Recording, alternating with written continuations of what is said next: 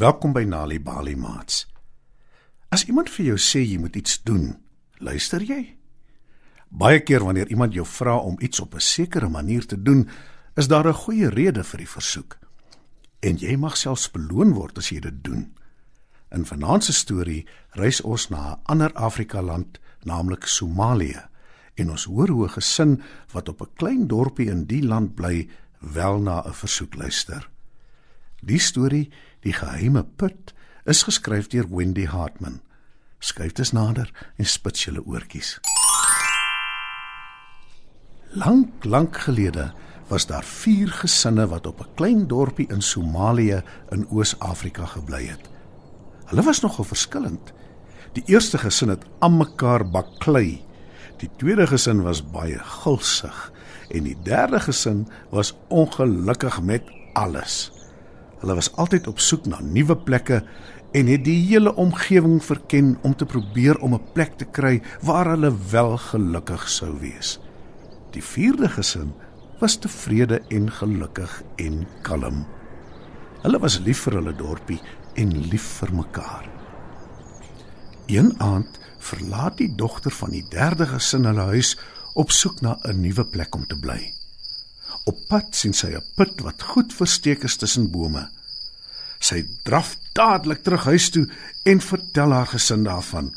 Hulle skep van die water uit die put en dit smaak heerlik soet. En van toe af is dit al water wat hulle gebruik.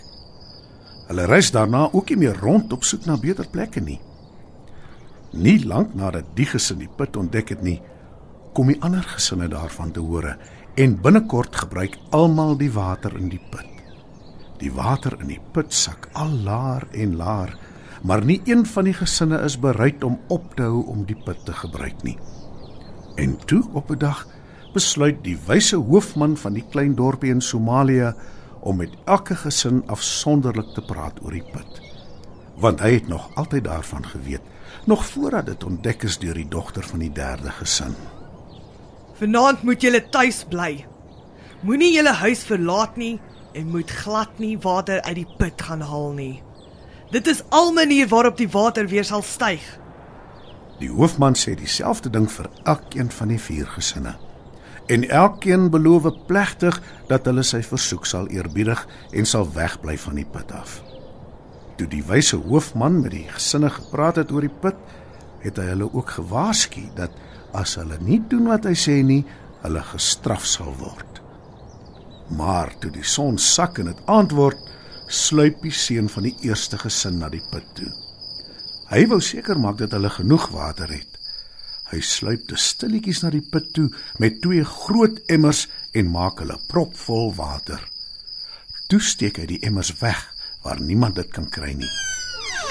Nie lank daarna nie, sluip die seun van die tweede gesin ook na die put toe. Hy maak ook twee groot emmers vol water en versteek dit. Die gulsige jong man wou seker maak net sy gesin gebruik van die water uit die put. En toe, kort daarna, sluip die dogter van die derde gesin put toe. Sy voel dat aangesien sy die put ontdek het, sy en haar gesin geregtig is op die water ten spyte van die hoofman se versoek en waarskuwing. Die volgende dag besoek die hoofman die put en hy vind uit dat dit kurkdroog is. Daar is nie 'n druppel water oor in die put nie. Hy wag toe totdat al vier die gesinne nie in hulle huise is nie en toe besoek hy op die beurt elkeen van die gesinne se huis. In die eerste huis ontdek die hoofman twee emmers. Die een was klaar leeg, maar die ander een was vol water wat die vorige nag uit die put gesteel is. Toe hy die tweede en derde gesinne se huise besoek, kry hy ook versteekte emmers water. Maar by die vierde gesin se huis is daar niks water in hulle emmers nie. Die hoofman weet toe dat die lede van die gesin die hele nag tuis gebly het en nie die put besoek het nie. Hulle het na hom geluister want hulle wou hê die water in die put moet weer styg. Die wyse hoofman roep toe al vier gesinne bymekaar. Julle drie gesinne het water uit die put gesteel.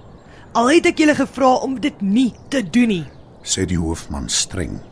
Ek weet dit, omdat ek elkeen van julle se huise besoek het in julle afwesigheid en emmers vol water in julle huise gekry het. Julle word dus nou beperk tot julle huise. Dis julle straf. En julle kan nie sê dat ek julle nie gewaarsku het nie. Hoopelik gebruik julle die tyd om te besin oor wat julle gedoen het. Aan die vierde gesin sê die hoofman: Julle het na my geluister en gisteraand in julle huis gebly en nie die put besoek nie. Vat die brief en maak dit oop wanneer jy tuis kom. Die vierde gesin vat die brief en gaan huis toe. Daar aangekom, maak hulle die hoofman se brief oop en sien dat dit 'n kaart is. Daar is ook instruksies dat hulle die kaart moet volg. Die gesin voeg die daad by die woord en begin loop. Hulle loop en hulle loop kilometers ver totdat hulle uiteindelik by 'n put uitkom wat omring is deur baie vrugtebome en 'n eislike groentetuin. Daar is genoeg kos vir 'n baie lang tyd. Maar die gesinne wat gedwing is om in hulle huise te bly, leer die dag 'n belangrike les. Die les is dat dit altyd raadsaam is om te luister na mense wat weet wat goed is vir jou en ook om nie iets te vat wat nie aan jou behoort nie. Hulle besef toe dat die vierde gesin se geduld en hulle bereidwilligheid om te luister na goeie raad ryklik beloon is. Wanneer kinders tuis stories hoor, help dit hulle om beter leerders te word op skool. Vir meer stories om vir kinders voor te lees of vir stories wat kinders self kan lees, besoek ons by www.nalibali.mobi. Daar is heelwat stories in verskeie tale absoluut gratis beskikbaar. Daar is ook wenke oor hoe om stories vir kinders te lees en met hulle te deel sodat hulle hulle volle potensiaal kan ontwikkel. Nali Bali is ook op Facebook. Story Power bring dit huis toe.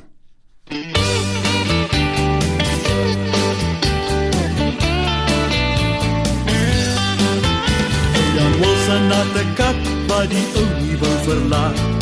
Hy het alles geprobeer om die kat daar weg te keer, selfs na die predikant om raad van hom te kry. Die predikant die het gesê die kat moet daar bly. Maar die kat kom weer want hy wil nie langer wag. Die kat kom weer net die volgende dag.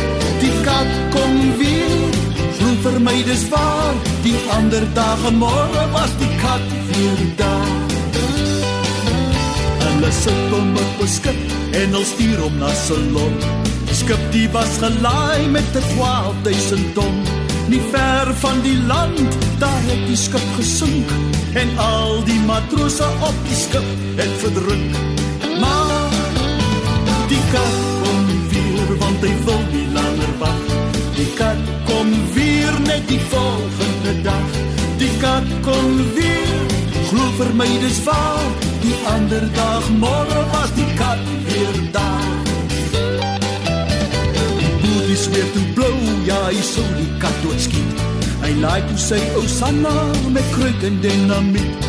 Hy lei die kat toe voor, die pad wat hy sou kom.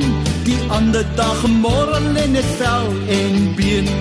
Maar die kat kom weer want hy wil nie langer wag. Die kat kom weer net die volgende dag. Die kat kom weer, glo vir my dis waar. Die ander dag en môre was die kat hier daar. Die kat sit op die stoep en hy eet 'n stukkie kaas. Daar kom 'n skotsman aan, hy maak 'n groot geraas.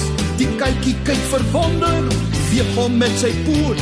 Die skot speel Britannia, die kat skrik hom dood. Maar wil nie langer wag. Die kat kom weer net die volgende dag. Die kat kom weer. Glo vir my dis waar. Die ander dag môre was die kat weer daar. Die ander dag môre die